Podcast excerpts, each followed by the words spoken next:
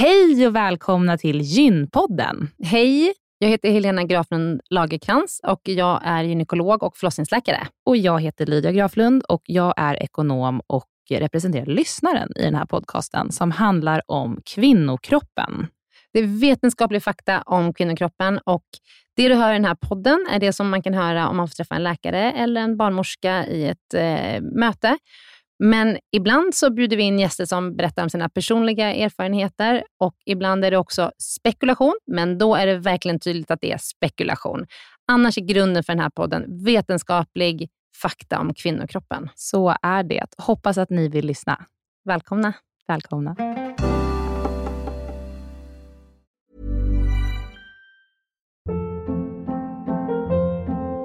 Hold up. What was that? Boring. No flavor. That was as bad as those leftovers you ate all week. Kiki Palmer here, and it's time to say hello to something fresh and guilt-free. Hello Fresh. Jazz up dinner with pecan-crusted chicken or garlic butter shrimp scampi. Now that's music to my mouth. Hello Fresh. Let's get this dinner party started. Discover all the delicious possibilities at hellofresh.com.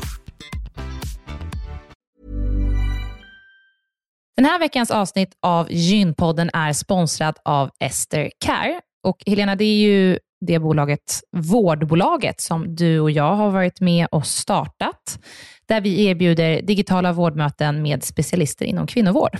Precis.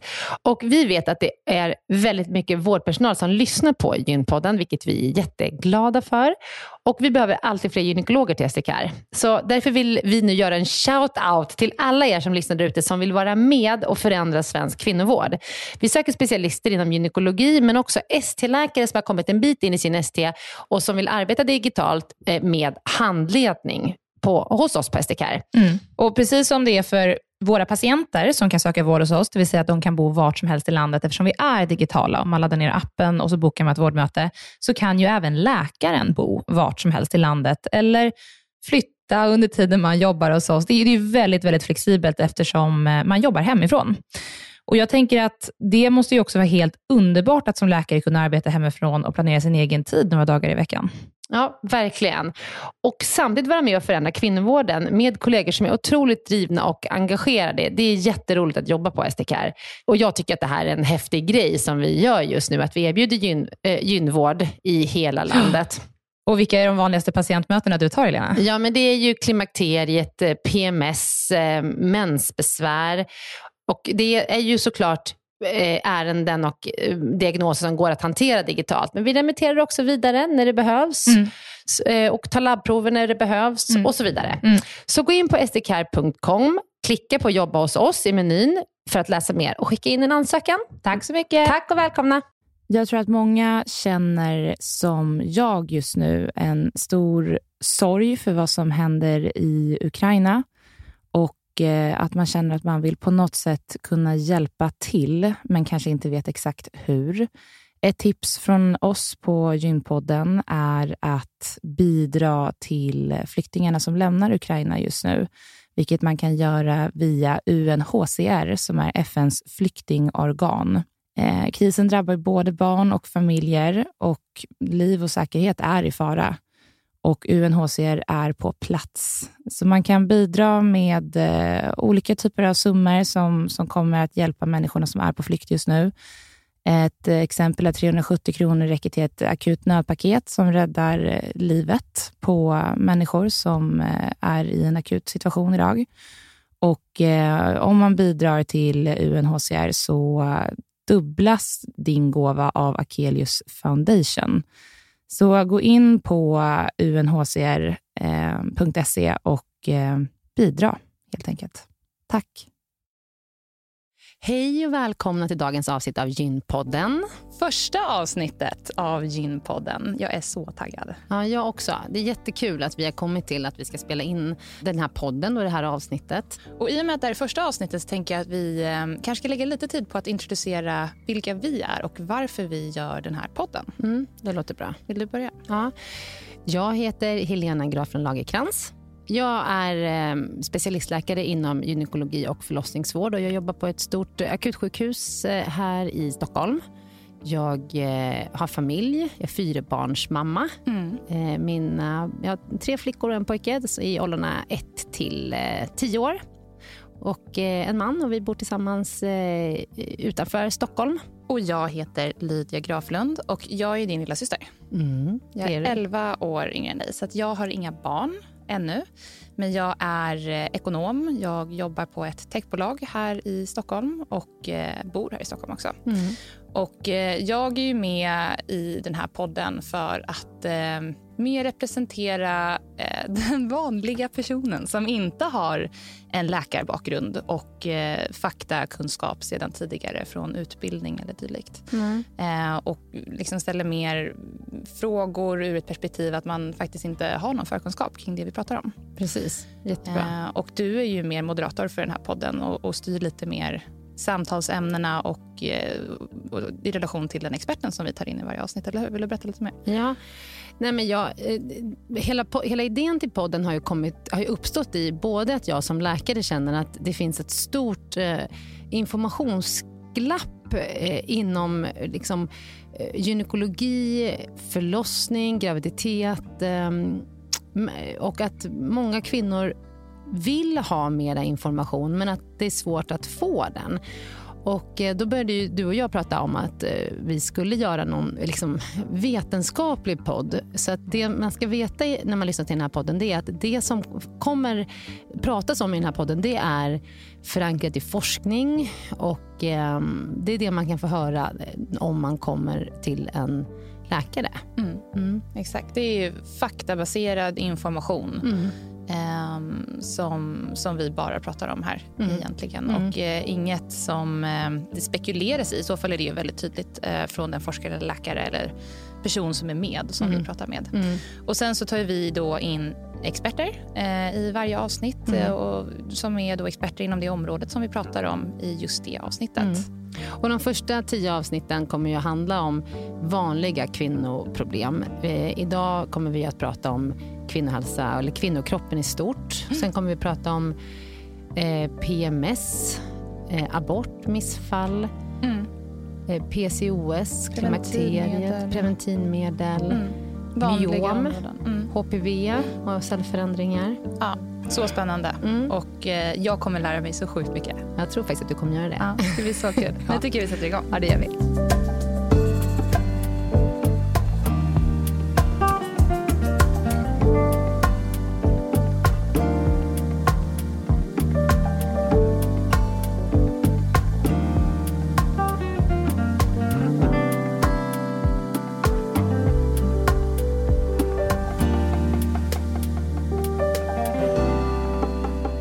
Dagens gäst är Lena Morjons. Varmt välkommen. Tack så Lena. hemskt mycket. Lena, du är överläkare på kvinnokliniken på Södersjukhuset här i Stockholm. Mm, Stämmer det? och sen är du docent på Karolinska institutet. Mm. Och du forskar framförallt inom sexuell och reproduktiv hälsa. Ja, Mm. precis. Eh, och sen har du varit anställd av WHO i, Mm. och jobbat i Genève. Det har jag gjort. Ja, det är ju häftigt bara det. Mm. Och arbetat med att förebygga osäkra aborter. Mm. Okej, men eh, dagens ämne är ju då kvinnokroppen, de kvinnliga könshormonerna och eh, menscykeln. Mm. Ja. Så börjar quite basic. ja, det måste vi göra. Men Lena, om vi börjar eh, liksom i- invändigt i kvinnokroppen, liksom, vad tillhör de kvinnliga könsdelarna? Ja, för, könsorganen? Precis. För det finns ju då både inre och yttre Mm. könsdelar eller könsorgan. Och de inre det är då äggstockarna som är väldigt viktiga för där produceras ju mycket av våra hormoner som gör att man utvecklas på olika sätt och att man kan bli gravid och att man får mens och sådana saker. Mm. Och sen mottagarna av de här hormonerna från äggstockarna det är ju själva livmodern. Och livmodern är ju en muskel och inuti livmodern så finns det då en slemhinna som växer till eh, varje månad när man sen har kommit, när man börjat menstruera och som är beredd på att ta emot ett befruktat ägg om det blir ett sånt. Och sen en del av livmodern kan man ju faktiskt då eh, känna själv, upptäcka, den som sitter i slidan, nämligen livmodertappen eller livmoderhalsen. Mm. Och den finns ju då i slidan som också är en del av de gynekologiska organen. Men någonting som man kan känna att man har och som man kan se. Mm. Mm. Och om, man, om man ska bara särskilja lite, för det här har jag märkt att både eller liksom, patienter framförallt har lite svårt att särskilja på till exempel när man säger cellförändringar på livmoderhalsen, det är det man går och lämnar cellprov då enligt ett visst mm. schema, screeningprogram. Men sen kan man också ha problem och cellförändringar till exempel i livmodern, men då är det mm. på insidan i den här slemhinnan. Mm. Så det är ju liksom två olika ställen och de har helt olika bakgrund. Ja, de har helt olika bakgrund, men det är ändå samma organ. Det är fortfarande mm. livmodern mm. alltihopa, så det är ju väldigt svårt att skilja på det där. Men det är som du säger, precis, det är två helt olika celltyper och därmed mm. två helt olika cancertyper kan mm, man säga. Mm, mm. Precis. Mm. Och sen så har man det yttre könsorganet. Ja, och då har man ju eh, dels då livmodertappen som man kan se. Sen har man ju då eh, slidan eh, och sen så har man ju sina blygdläppar. De mm. yttre och de inre blygdläpparna. Mm. Just det. Så det är det man liksom ser och det är ju en väldigt viktig del av kroppen förstås. Mm. För där har man ju också väldigt mycket nerver, mm. eh, blodkärl och nerver så att man kan reagera där man kan liksom uppleva sexuell lust. Mm. Och, så det här är ju också ett väldigt viktigt område. Mm. Mm. Och, och sen glömde vi äggledarna. Ja, äggledarna, ja, mm. precis. För det måste ju finnas en förbindelse mellan äggstockarna och livmodern. Mm. Så att någonting är det som tar emot ett ägg som släpper. Mm. Och då är det de här äggledarna som fångar upp de här äggen och transporterar dem eh, vidare sen då, om det är så att de blir befruktade, ner till livmodern och mm. bäddas in där och sen det som då blir fortsättning, om det blir en graviditet eller inte. Jag, jag, tycker, eh, vi, vi, ska försöka lägga ut en bild på det här mm, i samband med ja. att, vi, att vi släpper det här podcastavsnittet. För att det är ju en sån, jag tycker äggledarna är så häftiga. På slutet av äggledaren så finns det något som heter fimbrietratten som är som en sladdrig hand som liksom sveper in det där ägget som lossar från eh, liksom äggstocken. Mm. Och eh, det som är är att om man har opererat bort en äggledare, som en del kvinnor har gjort, till exempel om man har haft något fel på den eller att man har haft ett eh, utomkvedshavandeskap, då kan den här fimbrietratten liksom svepa upp ägget från den andra sidan också, så att man klarar sig bra med en äggledare, eller hur? Mm. För att ofta är det ju så annars att man, att man har ägglossning från varannan sida. Men det mm. där kan ju variera väldigt mycket. Mm. Men precis som du säger, om det är så att man eh, då bara har en äggledare av något skäl så kan den andra helt enkelt svepa runt. Mm. Kvinnokroppen är fantastisk. Och det här är ju också liksom, man märker att vi är ju eh, konstruerade så att vi ska kunna bli gravida på ett väldigt effektivt sätt. Så att man ska klara sig bra även om man bara har en fungerande äggledare. Mm. Det som vi har som är en liten miss i naturen kan man mm. säga, det är ju att för tanken är ju att ett befruktat ägg ska implanteras, växa in i livmodern, i slemhinnan. Mm. Men där har ju faktiskt naturen gjort ett konstruktionsfel, för det är möjligt för ett ägg att växa in på andra ställen än i livmodern, till exempel i äggledaren. Mm. mm. Och det är det som kallas utomkvedshavandeskap. Ja, precis. Och det kan vara ett skäl till att man bara har en äggledare kvar det blir ingen bebis, eller hur? Utan Nej, det blir det inte. Nej, Nej, precis. Det blir fel då. Det blir fel. Den, mm. den får inte plats där helt mm. enkelt. Mm.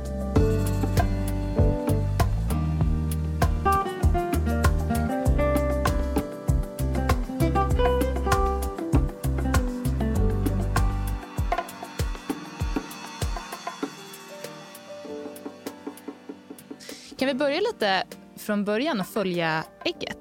Mm. Eh, som jag förstått det så föds man som kvinna med alla ägg som man har i kroppen. De produceras ju inte under livets gång som med spermier för män. Precis. Utan det där är ett förutbestämt antal som man har. Mm. Och som, så det är förutbestämt hur länge man ska egentligen eh, fortsätta med sin ägglossning. Mm. Alltså, de räcker bara en viss tid. Det är bestämt, att det är förprogrammerad död. Mm. Sen så, så dör de helt enkelt, bryts ner. Och hur många föds man med?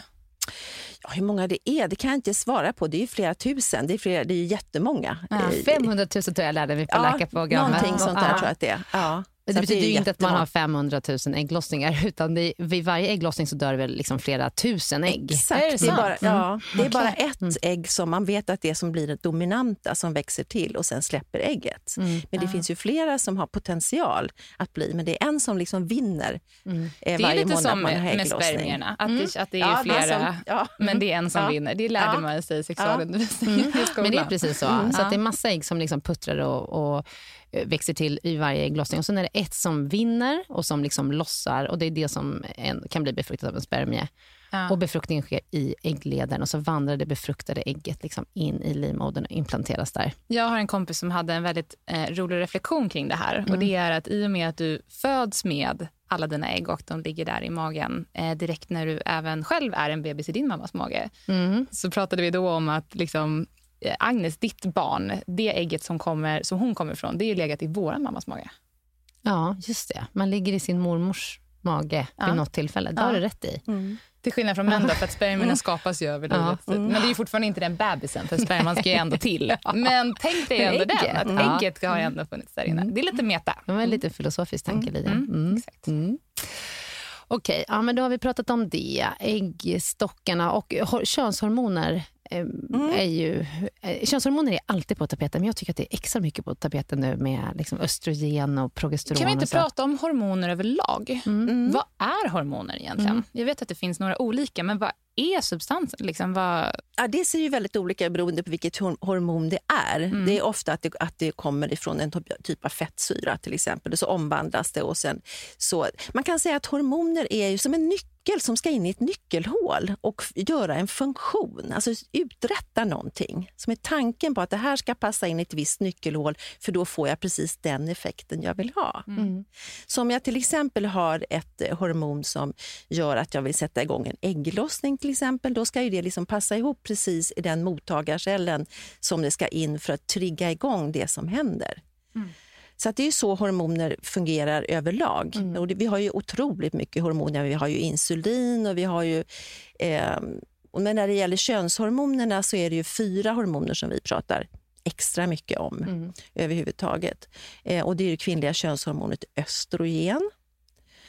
Eh, och det behöver man ju för att utvecklas då, att få den liksom kvinnliga kroppen att kunna utveckla slemhinnan i livmodern, att kunna få eh, när man kommer i puberteten och allting sånt. Och sen har vi gulkroppshormonet eh, som också är ett jätteviktigt hormon och framförallt när det då gäller menstruationscykeln. Mm. Eh, och det är någonting som eh, bildas efter att man har haft en ägglossning. Så det kräver en ägglossning för att man ska bilda gulkroppshormon, progesteron som det heter. Sen har vi ju hormoner som då regleras uppifrån eh, från hjärnans del, från hypofysen och som ser till att eh, stimulera äggstockarna att eh, mogna fram de här äggen och att det skap, Dels för att mogna fram dem, det kallas för follikelstimulerande. Folliklar, det är de här blås, äggblåsorna, så att de växer. Eh, och sen så har man ett som heter luteiniserande hormon som också behövs för att trigga igång själva ägglossningen. Och det är de förkortningarna som är FSH och LH. Det läser man ju mycket om, tycker jag. FSH. Precis, jag undrade precis vilka förkortningar det var. Skämt åsido, aldrig hört talas om. inte? Absolut inte. Det här Nej, är det precis anledningen till varför jag sitter med i den här podden. Men du Lydia, många av våra lyssnare har hört FSH, jag lovar dig. Okej. Vi vill gärna Har kommentarer på det. Exakt. Jättegärna kommentarer på det om det är jag som är lite efter eller om Helena har fel. Men östrogen är ju det som är allmänt känt och som Absolut. man pratar väldigt mycket om. Både östrogen och progesteron. Eller när vi, när vi pratar mycket om just progesteron så pratar vi inte om det kroppsegna progesteronet. Vi pratar om de syntetiska, lite liknande läkemedlen som det då är. Alltså vi kallar för gestagener. Eh, och därför att de finns i till exempel p-piller, klimakteriebehandling och sådär. Eh, så att de är ju väldigt aktuella nästan alltid.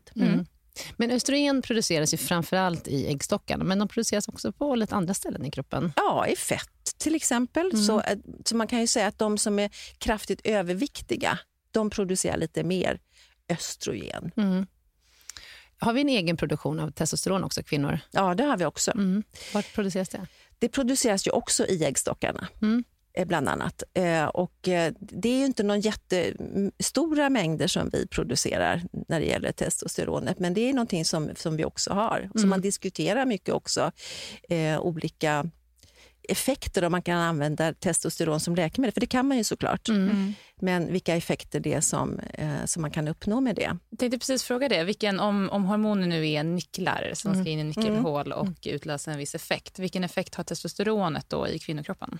Ja, det har man ju diskuterat jättemycket, framförallt när det gäller kanske lust. Men man ska ju också veta att eh, man kan ha för mycket testosteron, och vilket man kan få negativa bieffekter av. En del som har en överproduktion, alltså har lite mycket testosteron, kan ju till exempel få lite effekter som ökad akne och lite sådana saker. Lite manlig behåring. Oregelbunden mens. Oregelbunden mm. mens och sånt. Mm. Är, är det det som är PCOS då? Kallar man det Det kan det, man eller? ha. Därför Ja. att PCOS eller PCO, det har man ju olika kriterier. Alltså vissa krav ska vara uppfyllda för att man ska Mm. få kalla det. Dels är det att man tittar på med ultraljud och tittar på hur de här äggblåsorna ser ut, hur många Mm. de är och stora de är och sådär. Men sen ska man ju också titta på lite labbprover Mm. eh, och titta på just till exempel testosteronnivåer och eh, såna här bindande proteiner också för att Mm. se hur mycket som är aktivt och sådär. Eh, Så att det är vissa saker. Och sen är det att man tittar på att man har en blödningsrubbning. Så det är flera saker som ska passa in för att man ska kalla det för det. Vi ska spela in ett helt avsnitt om PCOS Exakt. med Angelica Lindén Hirschberg Ja, då djupdyker vi i det. Ja, då djupdyker vi det.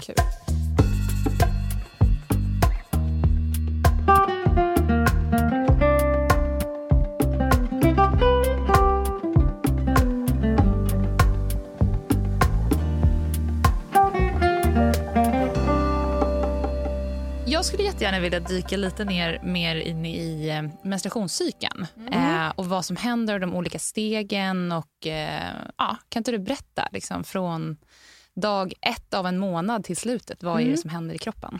Vi pratar ju ofta just precis om en cykel eftersom det är någonting som kommer igen. Och Sen så kan man ibland läsa att en menscykel är 28 dagar, men så är det ju inte. Eh, det är bara på ett ungefär, att ungefär fyra veckor och så. Men att ha en menscykel från första dag ett till sista dagen innan man får sin nästa mens då, eh, så kan man ha allt. Det kan variera mellan 21 och 35 dagar och fortfarande vara normalt så att säga. Så första dagen på cykeln, det är den dagen man får sin mens. Och då stöter man ju av sin slemhinna och sen börjar man under den här första halvan, om vi nu skulle, skulle säga att vi hade 28 dagar, så den första halvan ungefär, då börjar man ju så småningom bygga upp en ny eh, sån här slemhinna. Då är det framförallt att östrogenet som stimulerar till att man får en sån slemhinna som ska förbereda då för eventuell graviditet. Mm. Och sen någonstans mitt i där så får man ju en ägglossning. Eh, och sen efter det, om man då får en ägglossning, så det, den äggblåsan som har släppt ägget, den kallar man då för en gulkropp, corpus luteum, och den producerar det här hormonet progesteron. Och det hormonet gör att själva slemhinnan ombildas och anpassas för en graviditet. Eh, Så att den ska liksom vara beredd på att här, om det kommer ett ägg så ska det kunna implanteras här. Mm. Om det då inte blir någon graviditet för att det inte kommer något befruktat ägg, då dör den här gulkroppen. Och då sjunker de här gulkroppsnivå, alltså eh, progesteronnivåerna rakt ner. Och då kommer en signal till att man får en mens istället, för då stöts den här slemhinnan bort. Då ska den ut för att göra eh, plats för en ny fin Cykel. slemhinna Ja. och ett nytt ägg som ska kunna implanteras. Precis. Ja. Mm. Och när under hela den här tiden då kommer, om det dimper ner ett ägg där, vad händer då? då kommer Om det... det då kommer ett ägg, Mm. eh, så, och ägget det är ju så att beroende på hur lång cykel man har, säg att man till exempel har ett samlag någon gång före ägglossningen, om man, om man har väldigt kort menscykel, säg att man bara skulle ha 21 dagar eller 25 dagar eller någonting, då är det ganska kort mellan första mensen och andra mensen. Så då om det kommer spermier, och så kan ju de ligga kvar, de kan ju ligga en vecka. Och då kan man väldigt, väldigt tidigt i menscykeln, kanske bara på dag 5-6 får ägglossning. Det är ju väldigt tidigt. Men det kan hända. Och eftersom då spermierna kan leva kvar så kan det då bli en befruktning. Mm. Så spermier lever ungefär 57 dagar kan man säga Ja. väl? Och hur länge lever ett ägg? Ja, det har man ju diskuterat mycket, men absolut inte över 24 timmar. Jag tror att det är mycket, mycket kortare tid faktiskt. Så att det är ganska kort. Så den är en begränsad faktor. Men å andra sidan så behövs ju bara att den kommer, om man ändå har det där fönstret med att spermierna kan leva så länge. så det är det man måste komma ihåg, att man tror att ja, men jag har ju mens i slutet på mens, då kan jag ha oskyddat sex. För det, det kan det då innebära att man faktiskt blir gravid. Eller om man har en spiral som man helt plötsligt plockar ut under mitt av cykeln. Och så har man haft oskyddat sex innan. Då ligger spermierna kanske kvar och bara väntar. Så tar man bort spiralen, då kanske det finns möjlighet till exempel att Mm, Men då låter det som att om du vill bli gravid, om du har sex varje dag då och de här spermierna överlever i ungefär fem dagar, då Mm. måste det ju nästan... Alltså, då, är, det, att det inte tar sig då om man inte blir gravid den gången? Alltså, jag tänker att det här Ja, ägget kommer och Precis. sperman finns där. Ja. Det är ju så att det ska ju ändå vara ganska... Allting ska ju klaffa perfekt för att det ska bli förstås också. Men, ett schysst har man, ägg och schyssta spermier. Ja, liksom, ja. men har man månaden. sex varje dag så är ju sannolikheten mycket, mycket större om man verkligen är fertil och allting stämmer. Liksom. Mm. Självklart. Men man ska ju veta att vill man bli gravid då är det ju tiden före ägglossningen som är den absolut viktiga. Mm. Har Ja. väl ägglossningen sen skett Och då? när var den då? Sent. Tiden innan. Så om man ser till att om man har sin första dag på mensen, Mm. så har man mens i fem, sex dagar. Ja, det beror ju på hur långa cykler du har. Ja. Säg att du skulle ha den här som man pratar om 28 dagar. Då kan det vara så att kanske ägglossningen inträffar där vid dag 14 eller någonting sånt. Mm. Så då är det ju dagarna innan där, kanske från dag 10 eller någonting sånt Just det. som det är lämpligt. Men det där varierar jättemycket Mm. och man ser inte likadan ut från cykel till cykel. Men om man ska hänga upp sig på något, Lena, så, så brukar jag i alla fall tänka att vet, från att ägglossningen har ägt rum så är det ungefär 14 dagar tills man får sin mens. Ja, Eller? det där har man ju alltid trott. Ja. Jag har sagt att, för det ja. har man ju lärt ut också. Ja, där, mm. Den där perioden är Mm. väldigt liksom samma. Mm. Den är inte riktigt samma. Nej, okej. Mm. Eh, mer samma än den innan. Mm. Den varierar mindre, men Mm. fortfarande när man har tittat på ganska många cykler så ser man att det är rätt stor variation ändå. Okej. Och från månad till månad också. Men, men vi kan i varje fall tänka att den cykeln är lite mer, eller den tiden är lite mer stabil. Så har man långa eh, menscyklar så är det ju ändå från ägglossningen till mensens första dag så är det någonstans 13 till 15 dagar. Ja, och kanske sådär. sånt, Och sen ja. är det den tiden innan man får sin ägglossning som kan vara lite kortare Ja. eller lite längre. Ja, precis. Så om man vill på något sätt markera i sin kalender Ja. så kan man i varje fall ha det som, precis. som sikte. Ja. Mm. Varför får man kramper, eller varför får vissa kramper och, och väldigt ont när man har sin mens? När man har sin mens. Ja. Därför att vi har lite olika, eh, också en, en typ av eh, det som vi kallar för cytokiner, alltså vi- viss, vissa ämnen och hormoner också i livmodern som drar ihop livmodern väldigt mycket. Eh, som heter prostaglandiner, som är ett, ett hormon och så finns det också något som heter leukotriener och lite olika. Som när väl signalen för att mensen ska komma, när gulkroppshormonet har slutat, då börjar de här prostaglandinerna framför allt att dra ihop livmodern otroligt kraftigt för att kunna stöta ut slemhinnan. Mm. Men sen är det faktiskt så att vissa kvinnor har mer av de här prostaglandinerna och speciellt av vissa typer av prostaglandiner eh, som gör att eh, de får ännu kraftigare smärtor. Mm. Och det har man gjort studier på uppmätt tryck in i livmodern. Mm. Så att man kan liksom rent objektivt se att de som har ont har ett högre tryck in i sin livmoder.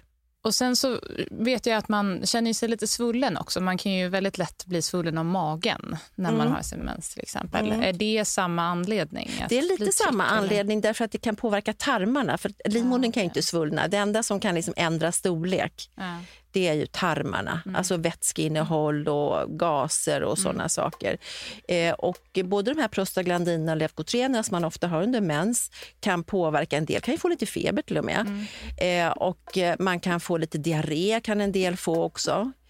Eh, och det märker man ju lite grann, för de här prostaglandinerna använder vi också till exempel när vi gör abort. Då ger man ju den typen utav, som läkemedel för att livmodern ska dra ihop sig och tömma ut. Och då vet man att det är många som förutom smärtan även känner av, de kan få diarré och kan få lite feber och så. Så härligt ändå. En gång i månaden behöver kvinnor stå ut med det här. Om man inte tar Man något preventivmedel där Nej. man inte har mens överhuvudtaget.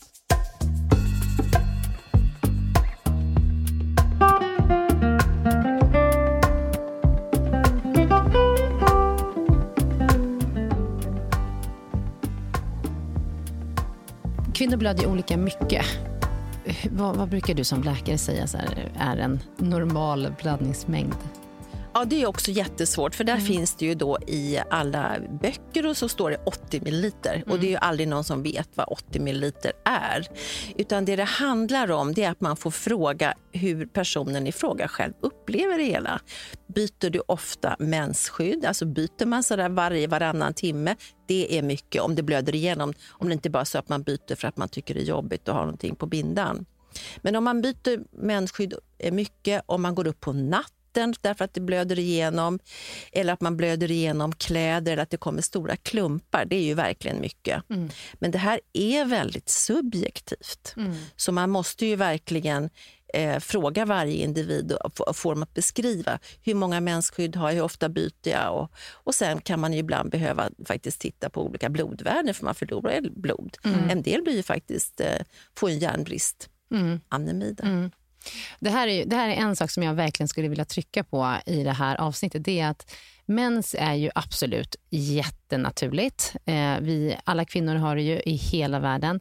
Men vi är ju inte konstruerade för att blöda stora mängder eh, varje månad. Ju, vi har ju inte den blodmängden eller den kapaciteten att bilda nytt blod. Utan vi är ju konstruerade för att bli gravida och sen inte ha någon mens på jättemånga månader. Sen föda ett barn och amma inte ha mens på jättemånga månader. Så att om man blöder mycket, om man har mycket mensvärk, alltså, då måste man, inte måste, men vi rekommenderar att man faktiskt gör någonting åt det. För det är inte nat naturens gång så att säga. Nej, vi har ju mindre blod, blodvolym än vad männen har, ändå är det vi som blöder. Mm. Så att absolut, det är jätteviktigt att poängtera det. För idag finns det ju faktiskt ganska mycket att göra Mm. åt att eh, man har riklig mens. Vad kan man göra då? Ja, det, framförallt, det här är ju en hormonell sak. Det är hormonerna som gör att vi får den här blödningen. Och eh, då får man behandla med hormoner också. Det är Man använder samma metod som det som orsakar besvären helt enkelt.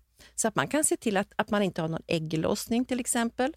Eh, och då får man ju heller ingen, ingen mens. Eh, Så det kan man ju, och det är ingenting som är något farligt på något vis. Sen kan man också behandla lokalt i livmodern så att slemhinnan håller sig tunn. Fast man fortfarande har sin ägglossning men man blöder kanske inte. Och framförallt blöder man inte så mycket. Nej. Och, och både p-piller och hormonspiral, det kommer vi också prata om i ett annat poddavsnitt med Helena Kopp-Kallner. Men i- ibland så pratas det väldigt mycket om de negativa effekterna av p-piller och hormonspiraler till exempel.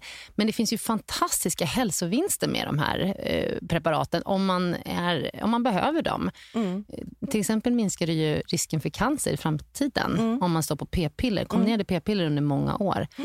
Vad va, va, vad är din reflektion kring det? Nej, men det här är ju någonting som är jätteviktigt förstås. Eh, därför att man har ju eh, antagit att det är att man har ägglossning hela tiden, att det kanske inte är naturligt egentligen, att det kanske inte är hälsosamt. För man har sett att de som inte föder barn alls, eller de som föder få barn, de har ju större risk för till exempel äggstockscancer, tarmcancer eh, och livmodercancer jämfört med de som har varit gravida många gånger och inte haft så många ägglossningar. Och det är lite det man, man framkallar med det här. Eh, men, men det som man diskuterar mycket och som kommer lite tokigt är ju det här med vad som är naturligt. För vad som är naturligt är kanske inte att vi ska ha ägglossning om mens 12 gånger per år i hela vårt liv. Utan det kanske faktiskt, därför att tidigare, man går hundra år tillbaka i tiden, så var man ju gravid och sen så ammade man och sen så fick man sin mens men då blev man gravid igen. Och då hade man inte så mycket ägglossningar. Så det är egentligen det som är mer naturligt kanske. Och sen, eh, så, jag, vill, jag vet ju också att det finns ju väldigt mycket starka krafter som är mot hormonbehandling. I varje fall i Sverige idag så går det ju lite, eller mycket såna vindar som blåser. Och, och då tänker jag så att vi som gynekologer, Lena, vi ska inte hamna i det här facket som är att vi är super pro hormonbehandling. Men eh, jag tycker att det är viktigt att man ska veta att det finns en hälsosam och bra behandling om man behöver den. Att man ska liksom inte vara rädd för att behandla med hormoner. För det är någonting... Jag brukar dra parallellen till att många säger att ah, men jag vill inte ha någonting som eh, motverkar det naturliga. Och då säger jag så här, okej, men om du hade högt blodtryck då? Hade du tagit blodtrycksmedicin då? För det motverkar ju också det, hormo- det naturliga. Ja, men det är klart man ska äta blodtrycksmedicin. Ja, men varför ska man gå med blodbrist eller jättesvåra menskramper varje månad när vi kan hjälpa kvinnor med det? Så ja, det är ju take home message. Så Att sök hjälp om du har problem med mensen. Det finns många kunniga gynekologer som kan hjälpa dig med det. Och till exempel kan man ju också säga liknelsen med, med diabetes, för det är ju verkligen hormoner. Men det är ju ett sånt hormon, insulin är ett sånt hormon som man tycker, men det är väl klart man kan, man kan ta ett syntetiskt eller att man kan ta och ge kroppen det den behöver. Men eh, självklart så ska man... Men det här är någonting man måste förstå själv och man måste, man måste kunna förstå varför och hur saker och ting fungerar och få allting förklarat för sig. Mm. Alla passar inte för alla typer av preparat, men då Exakt. finns det ju idag faktiskt många varianter. Ja. Det är viktigt. Mm. Där kommer vi gå in i detalj på i Mm, det eh, poddavsnittet om Mm. preventivmedel. Ja, det gör vi. Ja, hormonbehandling, precis. Det vi. Mm. Men jag skulle vilja prata lite mer om eh, hur liksom, humöret påverkas av hormoner och just under hela menstruationscykeln. Och för att, mm, som tjej så blir man ju extremt påverkad psykiskt. Mm. Eh, kan inte du berätta lite mer? Vad är det som påverkar psyket och liksom, ja, det psykiska välmåendet? Och vad kan man göra för Man kan att väl säga att det där är lite olika och lite individuellt också. Men om man ska generalisera lite grann så kan man väl säga att det är vanligare att de som har en påverkan på humöret mår lite sämre dagarna före mens. Mm. Eh, och Det är ju då när man har lite högre nivå av det här gulkroppshormonet progesteron. Så att det förefaller som att en del känner av det och inte mår så bra på det. Och Det har man ju märkt också när man ibland ger lite såna här eh, syntetiska, alltså konstgjorda varianter av det här hormonet, att en del påverkas negativt av det. Mm. Eh, och det förefaller som att de som under eh, östrogenfasen, att det är många som mår lite bättre. Mm. Eh, och Det är det som man ibland kallar för eh, premenstruella besvär, alltså PMS eller PMDD, eh, som man eh, ibland då kan behandla genom att man tar bort de här svängarna. För hela menscykeln är ju svängningar av hormoner under hela den här perioden. Mm. Och det man gör med till exempel hormonella preventivmedel det är att man kapar det så man ser likadan ut varje dag och då blir det inte så mycket svängningar. Just det, utan det är mer svängningarna som påverkar och inte Precis. hormonnivåerna i Ja. sig så mycket. Nej, just det. Mm. För att det är ju en del också som känner av just när östrogennivåerna sjunker väldigt mycket innan de börjar stiga. Eh, att en del får migrän till exempel, alltså mensmigrän helt enkelt. Och en del som beskriver, det finns ju det här med mensförkylning också, att en del känner av där i början också. Så att det är liksom lite, Mm. lite besvär som man kan ha där i början som är säkert är hormonellt ut. När, vad är en, eh, den normala åldern att börja menstruera? Vad brukar man säga? I Sverige så brukar man, så, så är det, eh, kan man säga det genomsnittsåldern 12 år. Mm. Eh, och sen så håller man på att menstruera ungefär till 51 års ålder. Så det ungefär är ganska långt. 51. Så det är ett tag. ja, ja, det är ett Mm. tag. Eh, och, om man är eh, tonåring och inte har fått sin mens, eh, när tycker du att man ska söka läkarvård för det?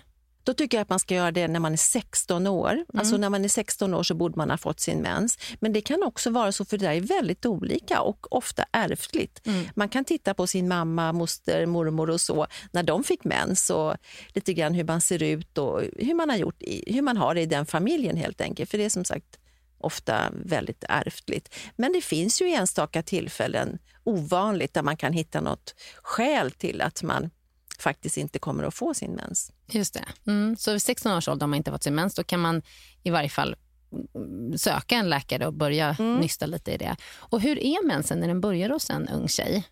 Ja, den där mensen när den börjar och mensen när den slutar är väldigt lika varandra kan man säga. Därför att den kan vara så att, att om man sen har regelbunden mens med ägglossning varje månad så kan det vara väldigt vanligt att man inte har det i början. Det kanske inte alls kommer en ägglossning när man har mens utan man kanske har en blödning som håller i sig jättelänge och är jätteoregelbunden och så att man blöder väldigt mycket eller att man får väldigt ont och så eh, och inte alls är så regelbunden. Eh, Men det där brukar ju stabilisera sig så småningom. Men ibland om man är ung och blöder jättemycket och länge så kan man ju förlora väldigt mycket blod förstås.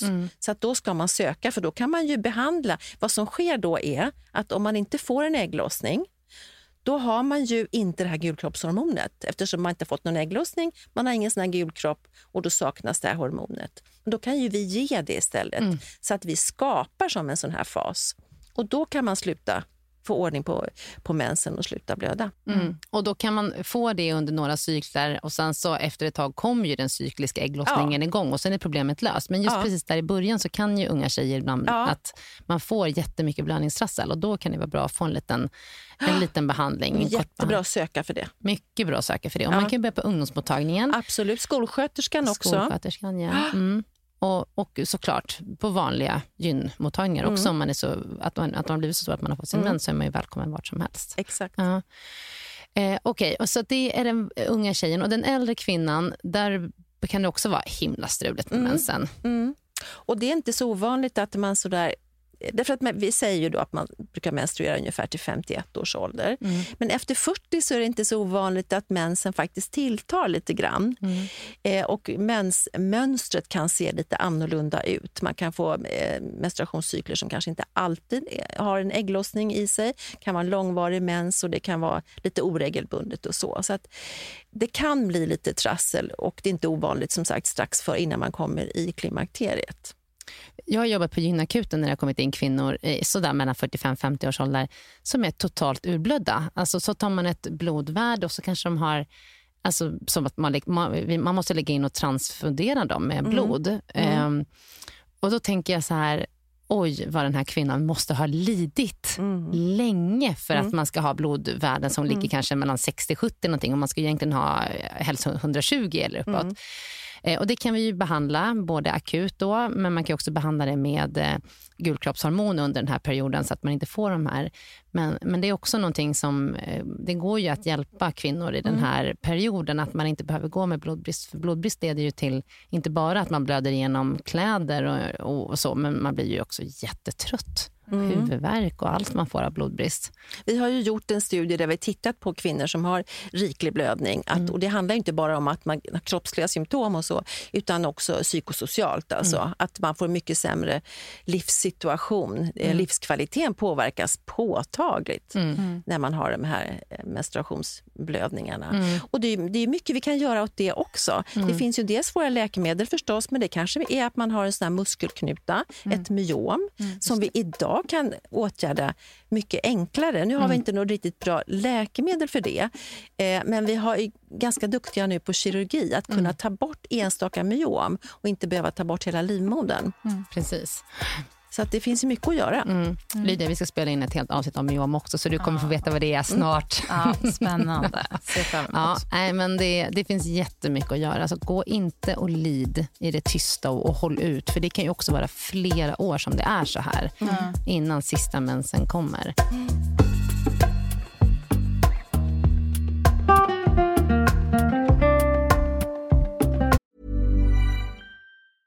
Ever catch yourself eating the same flavorless dinner three days in a row? Dreaming of something better? Well, HelloFresh is your guilt-free dream come true, baby. It's me, Kiki Palmer. Let's wake up those taste buds with hot, juicy pecan-crusted chicken or garlic butter shrimp scampi. Mm. Hello Fresh. Stop dreaming of all the delicious possibilities and dig in at HelloFresh.com. Let's get this dinner party started. Cool fact a crocodile can't stick out its tongue. Also, you can get health insurance for a month or just under a year in some states. United Healthcare short term insurance plans, underwritten by Golden Rule Insurance Company, offer flexible, budget friendly coverage for you. Learn more at uh1.com. Veckans avsnitt av Gynpodden är sponsrat av mittpreventivmedel.se som är en informationssida från Bayer. Mm. Jättebra informationssida. Eh, den, den är full av information och material för att du på bästa sätt ska kunna välja vilken preventivmedelsmetod som passar dig allra, allra bäst. Och Det vi tänkte prata om idag det är att det finns något som heter samtalsguide Mm. på den här sidan. Mm. Och Det är ett formulär där man har, får en massa frågor, till exempel så här, att komma ihåg att ta med preventivmedel dagligen är inget problem för mig, eller ibland svårt, Mm. eller inte min grej Mm. eller eh, om jag blev gravid nu och så vidare. Liksom. Så att man får kryssa i en massa frågor och ta ställning och fundera innan Mm. du träffar din gynekolog eller barnmorska, så att du liksom verkligen får med alla frågor som är viktiga för dig i det där mötet. Ja. Så man kan fylla i den på den här hemsidan, så kan man skriva ut den här blanketten och ta med den. Ja. Jag skulle säga att, att det verkar som att det är framförallt fyra kategorier som Mm. är väldigt viktiga. Och sen, Mm. så, sen så spelar det ju in vad du har tagit innan och hur det har funkat för dig och, Mm. sådär, och din historik. Men det verkar ju som att det handlar mycket om hur liksom ordningsam man är, eller hur strukturerad man är, att kunna ta någonting dagligen. Mm. Eh, hur viktigt det är att man inte blir gravid. Mm. Eh, användning av hormonella preventivmedel. eh, och om man vill påverka sin menstruation på något sätt. Mm. Så det verkar som att det är de fyra kategorierna som man, man bör fundera på innan Mm. man väljer ett preventivmedel. Man får bra guidning i hur man ska svara på de här, eh, med olika kategorier, olika svar. Och Sen så tar man med sig det till sitt möte med barnmorska och gynekolog och då är man väl förberedd. Mm. Och jag lovar er att om ni gör det här innan ni går eh, till en barnmorska eller gynekolog, då kommer ni få mycket bättre hjälp. För att det här är liksom ingenting som bara finns i en, utan man måste liksom fundera lite på Ja. här, vad är viktigt för mig. Vill jag ha mens eller inte? Ja. Och så vidare. Så att, gå in på mittpreventivmedel.se och titta runt där och gör den här eh, ja, samtals, ja, samtalsguiden. samtalsguiden. Ja. Tack Bayer för att ni har utvecklat denna braiga sida om Ja. preventivmedel. Den är otroligt bra. Mm. Tack så jättemycket. Tack.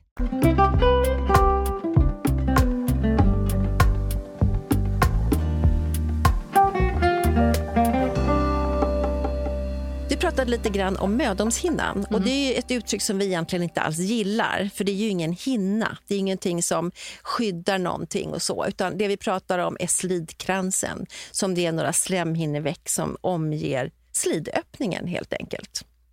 Jag tror att det är många som inte riktigt vet hur man ser ut i underlivet. Och kvinnor ser väldigt olika ut i underlivet och det är bra att till exempel ta en spegel och titta och se hur man själv ser ut. Det är ju naturligtvis ingenting som är något konstigt med att titta. Eh, och då kan man se att det blir som en liten krans, det ser ut som en liten blomblad nästan, eh, utav flikar runt själva slidöppningen. Eh, och det är ju så att det här tänds ju ut med tiden, med åldern. Men det finns ingenting. Skulle man ha så kallad mödomshinna som många säger när man inte haft sex, då skulle hela stridöppningen vara täckt. Det skulle ju inte fungera. Då skulle man inte kunna ha mens, man skulle inte kunna kissa och sådana saker. Och det finns en missbildning där man faktiskt har en sån hinna som är medfödd missbildning. Men det är ju väldigt, väldigt ovanligt och det är någonting man ska åtgärda så att säga. Men det är inte så att vi har någon sorts hinna som, som går sönder när vi har sex för första gången. De allra flesta som har sex, någon penetrerande form av sex genom slidöppningen blöder inte, även om några gör det. Och då gör man inte det för att man hade en mödomshinna, för det finns inte. Det är en nej, myt. nej, det är en myt. Det är en myt. Det är ungefär som att man skulle ha ett, ett, eh, man skulle vara ett fint paket som man ska öppna på Exakt. Första... Makens present. Ja, exakt. Mm.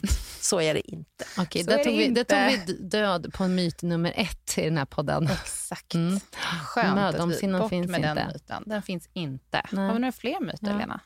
Det finns ju jättemånga myter. Alltså det som är intressant som många frågar om, det är, för ibland är man tvungen att operera bort livmodern eh, av olika skäl. Man kanske har muskelknutor eller det kan vara någonting annat. Men så har man kvar sina äggstockar.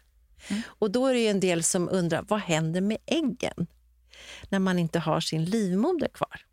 Ja, det är en bra fråga. För det första är de ganska små och sen faller de ju rakt ner i, bu- inne i buken. Mm. Alltså att man fortsätter ju ha sin ägglossning och kan känna av sin ägglossning fast man har ingen mens därför att livmodern finns inte på plats. Mm. Likadant kan det vara faktiskt om man har den här hormonspiralen. Att man får ingen blödning för slemhinnan liksom ligger i, i, i dvala just då. Men man har fortsatt ägglossning och äggen faller ner eh, ändå. Liksom. Mm. Ägget är ju lite som ett dammkorn, eller hur? Ja, det är så det, det lite. går inte att se för Nej, ögat. det går inte att så se. Men det är det många som tänker. Ja. Jag får ofta den frågan. Mm. Men vad händer med äggen? Mm, Det är som man ser liksom riktigt med ägg och skal och så. Det är ju ett inte ägg, det. Liksom. Ja. Han vandrar ner längs Mm. äggledaren och så finns det ingen livmoder där. Nej. Var ska Nej. ta vägen? Nej. Nej, men det är också, det- jag tror att folk, en del har svårt att tänka sig att man kan ju få en liten blödning inne i buken, men den kommer ju rakt ner i buken och det finns celler som tar hand om det Ja. blodet. Nästan varje gång man har mens, de flesta har nog också mens som går lite bakåt. Alltså från livmodern ut i äggledarna och så ut i buken. Så att det är inget konstigt Så det heller. absorberar kroppen då? Ja, ja, det finns celler som är liksom, det är deras jobb att tugga i sig sånt. fantastisk. Ja. Mm. Ja, fantastiskt. Ett eget ekosystem där inne. Eller vad man säger.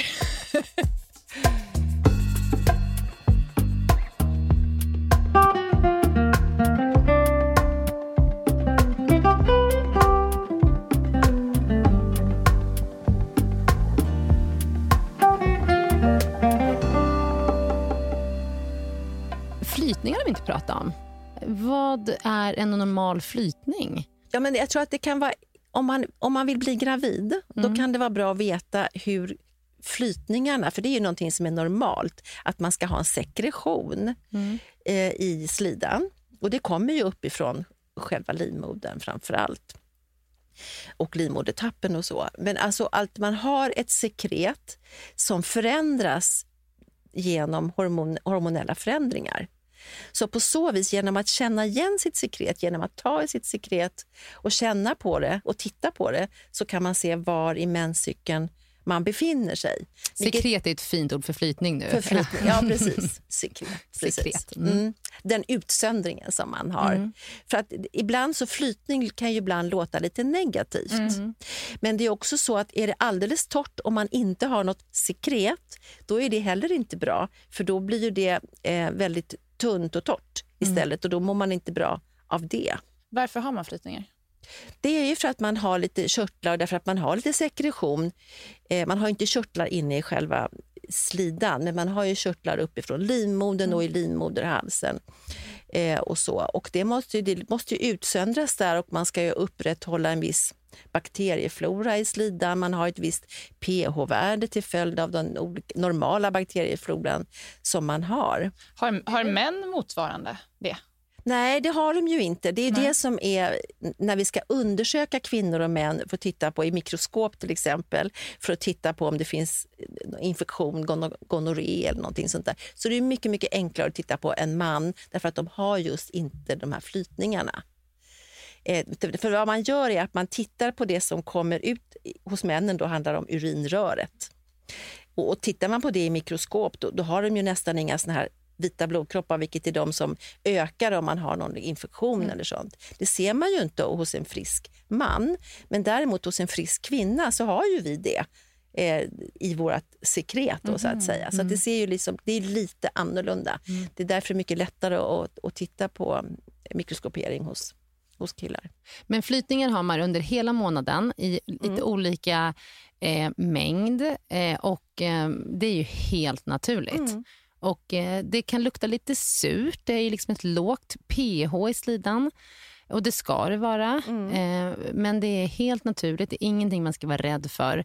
När, när tycker du att man ska dra öronen åt sig och söka en gynekolog? Hur tycker du att flytningarna ska förändras för att man ska... Nej, men om de är missfärgade. Eh, och, och ibland kan det vara en blodig flytning. Då kan det vara tecken på att man har en liten blödning på fel tid. Att man kanske har en irritation på livmodertappen. Det är också bra om man söker för det. Till exempel. Alltså att, att det kommer som en liten blödning utanför blödningstiden. På fel tid så att säga.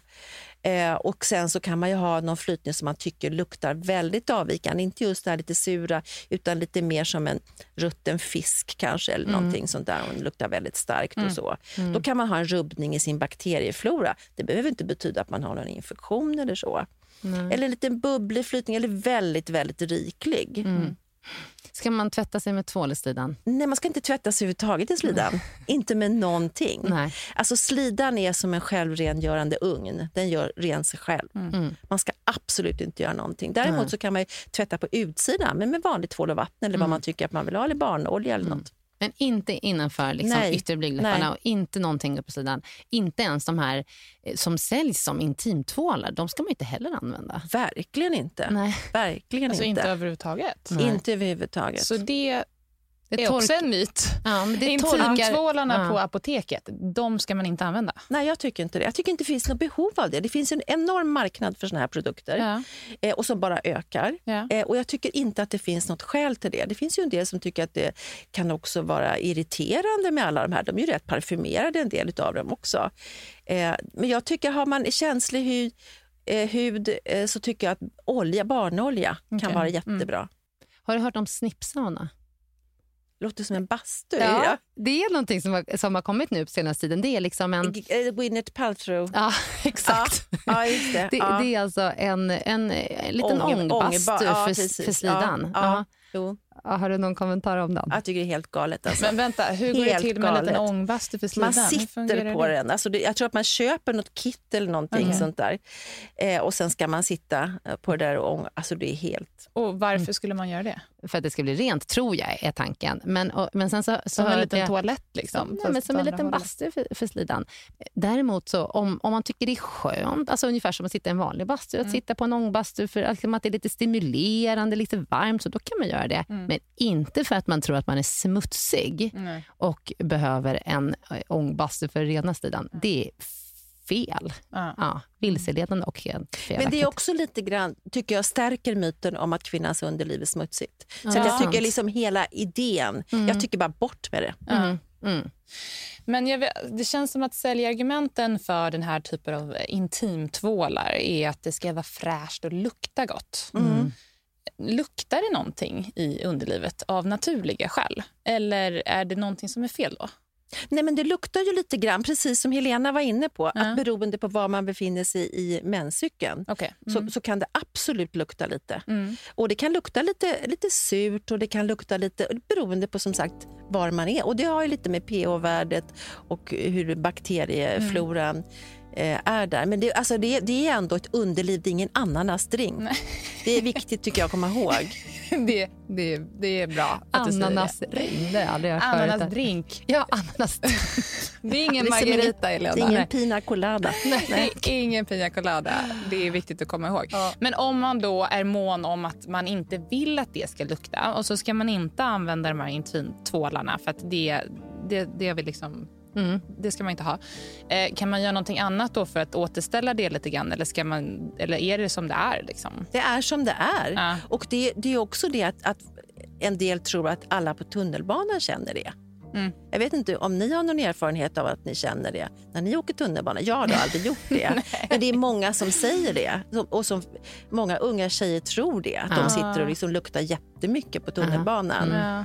Eh, och det är helt orimligt. Helt Men om de gör det då? Det här är ju ändå Ja, så här men- psykologiskt. Alltså, de kanske inte gör det, men de kanske luktar mycket och de tycker att de har problem. Ja, men då tycker jag de ska söka så kan de få kanske en liten objektiv bedömning. Ja, Och kanske lite hjälp i så fall med... ehm, I så fall med äh, den här rubbningen av bakteriefloran, för så Ja. kan det vara.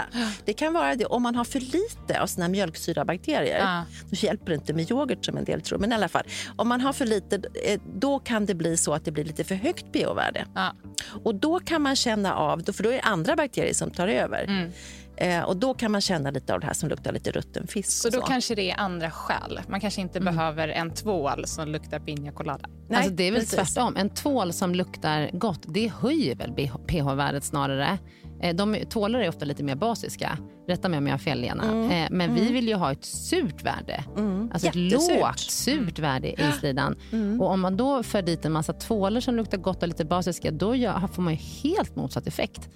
Så att nej, nej, nej, nej. Okej, Ja. då vet vi. Vatten, Liddan. Det är Aha. det du ska tvätta. Vatten eller, vattenolja kanske. Vattenolja. Men det är klart att det är inte det är inte fel om man känner att man vill ha någonting så får man väl göra det. Bara inte inne i slidan. Nej. Alltså det, det är inte, man ska inte ge skamkänsla till någon som känner att man vill ha lite Nej. deodorant och så. Det Men det fyller ingen funktion. Ändå säga här att alla är fria att göra precis vad de vill. De Ja. kan bara ta med sig tips Ja, härifrån. absolut.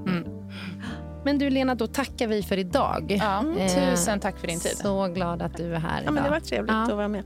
Skapa Gynpoddens första avsnitt. Ja. Och förresten, innan vi avslutar dagens avsnitt så kan vi meddela hur man kommer i kontakt med oss. Och Det kan man göra via vårt Instagramkonto Gynpodden. Precis, där kan ni ställa frågor och eh, vi kommer delvis kunna svara direkt eh, eh, i det Instagramkontot. Men vi kan också samla ihop frågor och så kan vi göra ett helt podcastavsnitt med bara era gynfrågor. Så in, kommentera, eller in och följ oss för det första och kommentera och läs vad andra kommenterar och får för svar. Så ses vi där. Mm, tack för idag. Tack så då. Hej då.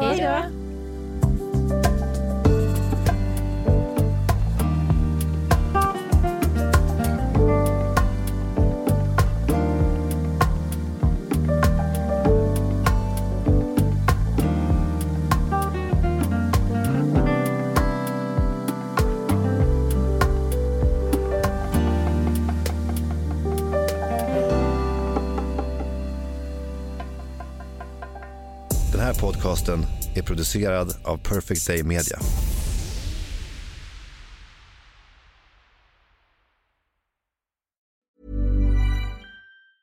Hey, it's Paige DeSorbo from Giggly Squad. High quality fashion without the price tag. Say hello to Quince. I'm snagging high-end essentials like cozy cashmere sweaters, sleek leather jackets, fine jewelry, and so much more. With Quince being 50 to 80% less than similar brands. And they partner with factories that prioritize safe, ethical, and responsible manufacturing. I love that. Luxury quality within reach. Go to quince.com slash style to get free shipping and 365 day returns on your next order. Quince.com slash style.